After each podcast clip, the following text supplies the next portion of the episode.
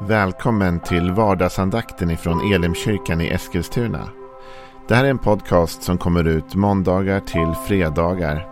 Om du vill veta mer om vilka vi är, vad vi tror på, hur du kan komma i kontakt med oss eller vad vi kan erbjuda dig för någonting så gå in på www.elimkyrkan.com. Får jättegärna gå in och likea vår Facebook-sida. Det är facebook.com elimeskilstuna. Eller så söker du upp oss på YouTube och då söker du på Elimkyrkan Eskilstuna. Vi vill jättegärna komma i kontakt med dig. Men nu lyssnar vi till dagens andakt. Välkommen till vardagsandakten och välkommen till 2022. Ett nytt år med nya möjligheter som man brukar säga. Ehm, vi tog en lite längre paus över jul och nyår för att ladda batterierna, hitta ny inspiration och äta god julmat såklart. Och allt annat som man gör över julen, spendera tid med familj och så vidare. Men nu är vi tillbaka och nu har vi laddat om. Nu är vi redo att ta ett nytt år tillsammans med dig. Både du som har varit med och lyssnat tidigare, välkommen tillbaka. Men också du som är en ny lyssnare, välkommen till vardagsandakten. Jag heter Joel Backman pastor i Elimkyrkan. Och den här andakten kommer ut måndagar till fredagar. Och finns tillgänglig på en massa olika plattformar. Och du har ju hittat hit så du vet säkert hur man hittar den. Innan jul och innan vi tog paus så gick vi igenom den första delen av psalm 119. Psalm 119 är ju en lång, lång, lång psalm som är uppdelad i flera olika delar. Och de här delarna de bygger på det hebreiska alfabetet. Det är en väldigt så pedagogiskt skriven psalm, en väldigt ordningsam psalm. Och vi gick igenom den första delen. Och vi kommer inte gå igenom hela psalm 119 i en stöt nu. Vi kommer dela upp och bryta av och ta in lite andra veckor med lite andra grejer för att få lite så här paus. Men jag kände när jag läste del två av psalm 119 att ja, men den här psalmen ska vi ta i början av året. Därför att den ställer en väldigt relevant fråga i början. Så den här veckan tar vi del två av psalm 119. Och då läser vi den först. Det står så här ifrån vers 9. Hur kan den som är ung hålla sitt liv rent? Genom att hålla sig till ditt ord. Jag söker dig av hela mitt hjärta. Låt mig inte villas bort från dina bud. Jag gömmer ditt ord i mitt hjärta för att jag inte ska synda mot dig. Lovad är du, Herre. Lär mig dina stadgar. Med mina läppar förkunnar jag din muns alla domar. Jag jublar över dina vittnesbördsväg som över stora skatter. Jag ska begrunda dina befallningar och tänka på dina vägar. Jag har min glädje i dina stadgar och jag glömmer inte ditt ord. Den här första frågan i vers 9. Hur kan den som är ung hålla sitt liv rent? Det är en fråga som känns passande vid början av ett nytt år. Därför det är ju den här typen av frågor som du och jag ställer oss när vi går in i nya år. Alltså, vi är precis alla vi passerat genom nyårsafton. Eh, in i det nya året. Och kring nyårsafton så brukar man ju ge löften. Och det är inte alla som ger nyårslöften. En del tycker att det där är är barnsligt eller jag vill inte lägga den pressen på mig själv eller vad det nu är. För vissa är det superviktigt med nyårslöften.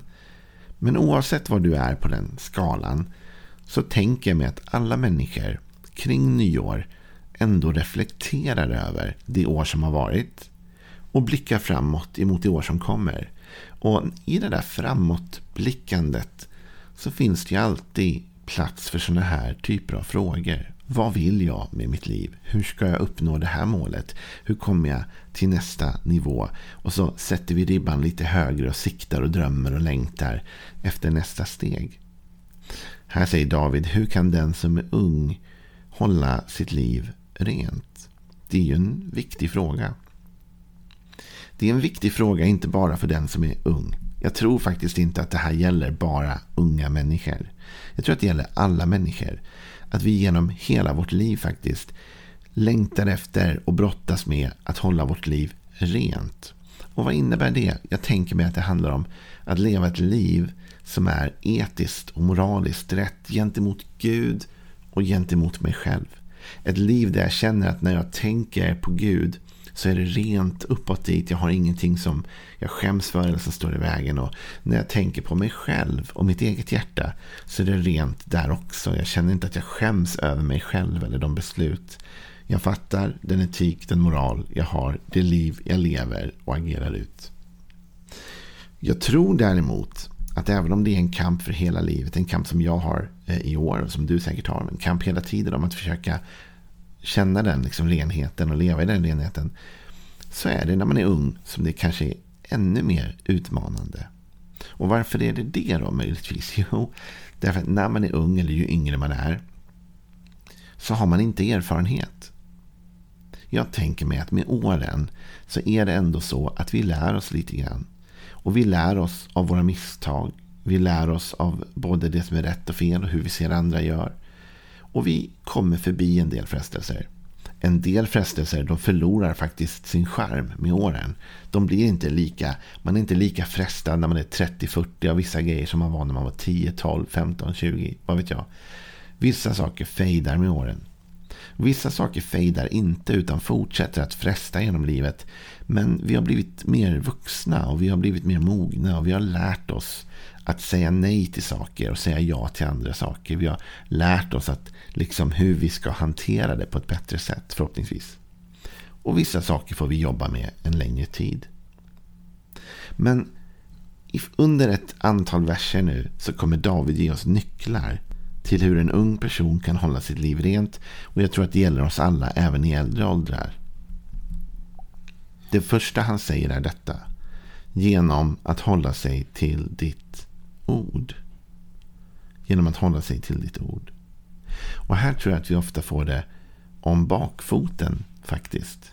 Därför jag tror att vi ofta behandlar symptomen mer än själva grundsjukdomen faktiskt.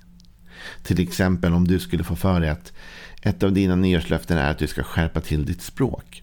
Jag känner faktiskt en person som hade det som ett nyårslöfte ett eller ett par år. För det gick inte över på en gång. Men jag känner en person som hade ett nyårslöfte som sa så här. Men nu ska jag sluta svära. Så här. Och det var ganska underhållande. Det tog inte alltid så lång tid så var det där löftet brutet för den personen. Men i alla fall. Man kan ha ett sånt löfte. Va? Jag vill sluta tala illa. Eller jag vill sluta svära. Eller jag vill sluta skvallra. Eller vad det kan vara. Hitta på någonting. Och så försöker vi behandla det. Så vi försöker, liksom, oj nej, nu ska jag inte säga så. Oj, jag ska inte göra det. Jag ska inte tänka så. Men vet du, det är ofta bara att behandla själva symptomet. Därför Jesus, han sa faktiskt så här. Det hjärtat är fullt av, det talar munnen, sa Jesus. Och det innebär att det som finns i hjärtat kommer komma ut genom munnen. Och om jag bara försöker ändra det som kommer ut genom munnen utan att förändra hjärtat så är det en lönlös kamp. Utan det är hjärtat som måste förändras. Då kommer mitt språk automatiskt att förändras. Jag måste fundera kring varför kommer de här orden överhuvudtaget? Varför är det det här som ploppar ut? Varför skvallrar jag alltid? Varför har jag alltid det här beteendet? Okej, okay, det finns i mitt hjärta, men varför hamnade det där? Och så får man börja fundera på det. Och då kan man behöva en hjärttransplantation, så att säga, bildligt talat. Och den hjärttransplantationen är när vi fyller vårt hjärta med Guds ord. Då förändras vårt hjärta. Och när vi förändrar vårt hjärta, då kommer vi förändra vårt beteende. Så det blir så tokigt ibland när du och jag försöker bara förändra vårt beteende hela tiden. Och så blir vi så besvikna av att vi inte lever ut en bättre etik och moral. Att vi inte lever mer rätt eller riktigt. Men egentligen så är det liksom, det känns bara lönlöst och hopplöst. Och vi kämpar verkligen men det går inte. För att vi angriper fel sak. Här säger David, hur kan den som är ung hålla sitt liv rent? Genom att hålla sig till ditt ord. Det börjar med ordet. Om ordet finns i mitt hjärta så kommer jag att leva ett mer rätt liv. Ett liv som jag kan vara stolt över, ett liv som jag tror Gud kan vara stolt över. Men det börjar med att fylla hjärtat med Guds ord. Så låt det här året bli ett sånt år då du och jag fattar beslutet. Det här året vill jag leva nära ordet. Och det innebär inte i vår tid att man bara måste sitta och läsa Bibeln hela tiden. Det finns så många olika sätt att ta in Guds ord i hjärtat. Men att läsa Bibeln är såklart en viktig del av det. Jag tänkte vi skulle läsa om Josua. Josua var en man som tar över ledarskapet för Israel efter Mose. Och det är ju en grandios uppgift minst sagt att kliva in som ledare efter en så oerhört stark ledare. Och dessutom ska han då fullgöra det som Mose aldrig gjorde. Han ska ta folket in i det förlovade landet. Och då kan man ju tänka att Gud måste ge väldigt tydliga, starka instruktioner till Josua. Det, det Gud säger till Josua kan vi läsa i Josua 1 och vers 7 kan vi läsa från. Var bara stark och mycket frimodig så att du håller fast vid och följer all den undervisning som min tjänare Mose har gett dig. Vik inte av från den åt höger eller åt vänster så ska du ha framgång vart du än går. Låt inte denna lagbok vara skild från din mun. Tänk på den både dag och natt så att du håller fast vid och följer allt som är skrivet i den. Då ska du lyckas på din väg och då ska du ha framgång.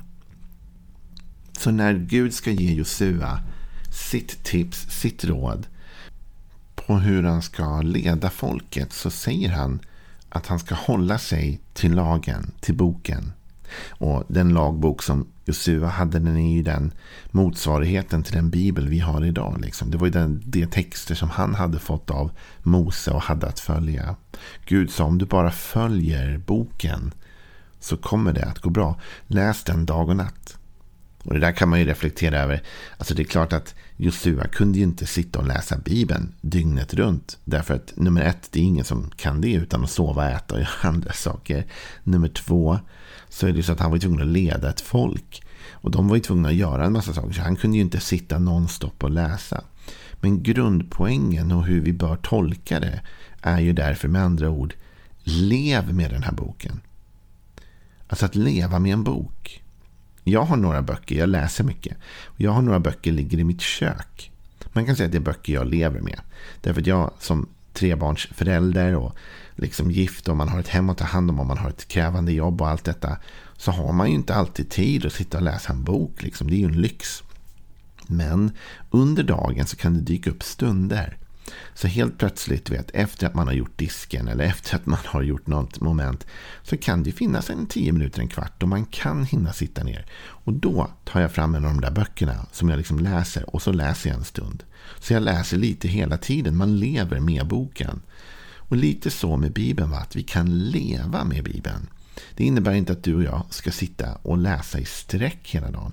Men vi kan leva med den. Vi kan ha den när, som en närvaro i vårt liv. Jag tänker mig faktiskt att det är lite det du gör när du lyssnar på den här andakten.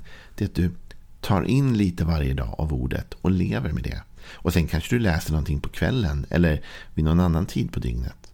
Och ur det perspektivet så är vi en generation som har det bättre än nästan någon annan generation. Det är förvisso sant att det pumpas ut supermycket dålig och negativ information som kan landa i vårt hjärta och påverka vårt liv. Men det är också så att vi kan leva med ordet på ett sätt som människor för 50 år sedan inte kunde. Jag har i min mobil tillgång till hur mycket predikningar som helst via både internet och alltså YouTube. Och jag kan också, jag följer en del bibelskolor och, och eh, liksom pastorer jag följer som jag följer deras undervisning. Jag brukar när jag står och lagar mat ibland ställa upp mobilen på hyllan i köket och titta på en predikan eller lyssna till en undervisning. Eller jag kan leva med ordet medan jag gör andra saker. Jag har en sån möjlighet att hela tiden mata mig med det. Ett annat sätt att mata sig och leva med ordet det är att lyssna på till exempel kristen musik som bygger på bibelord. Många kristna låttexter är ju liksom bibelord som är omskrivna eller som sjungs ut. Va? Att lyssna på en sång där man sjunger ut Guds ord är superbra för det sätter sig med melodins hjälp in i hjärtat och så lever jag med det. Så när David ska säga den första nyckeln, det kommer fler nycklar, men den första nyckeln till att bevara sitt liv rent. Och vad jag menar med rent är inte någon sorts lagiskhet av att vinna någon sorts frälsning, för frälsning finns bara genom Jesus Kristus.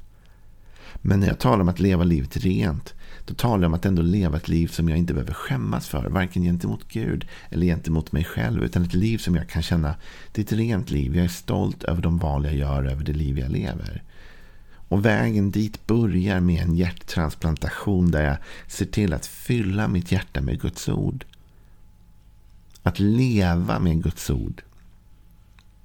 Men att också inse att leva med Guds ord inte behöver vara den ribba som vi ibland tänker. Det vill säga att ja, då måste jag sitta tre timmar per dag och läsa Bibeln, fyra timmar per dag och läsa Bibeln. Det är väl härligt om du har möjlighet till det, men de flesta människor har inte den möjligheten därför man har mycket annat man måste göra, ansvar på olika sätt. Men vi kan leva med Bibeln hela, hela tiden. Genom att ha predikningar på, lovsång på, genom att låta ordet finnas som en närvaro i vårt liv. Och det är det jag vill börja den här veckan med att utmana dig att göra. Se till att hitta de här små stunderna varje dag då du kan ta lite av ordet och stoppa in i ditt hjärta. Så kommer du få se att du kommer märka förändring i ditt sätt att agera och vara. Bara av det att du lever nära ordet. Imorgon fortsätter vi då David ger oss ett annat råd som är värt att ta till oss om vi vill leva ett rent liv. Så ha en bra dag så ses vi imorgon igen. Hej då!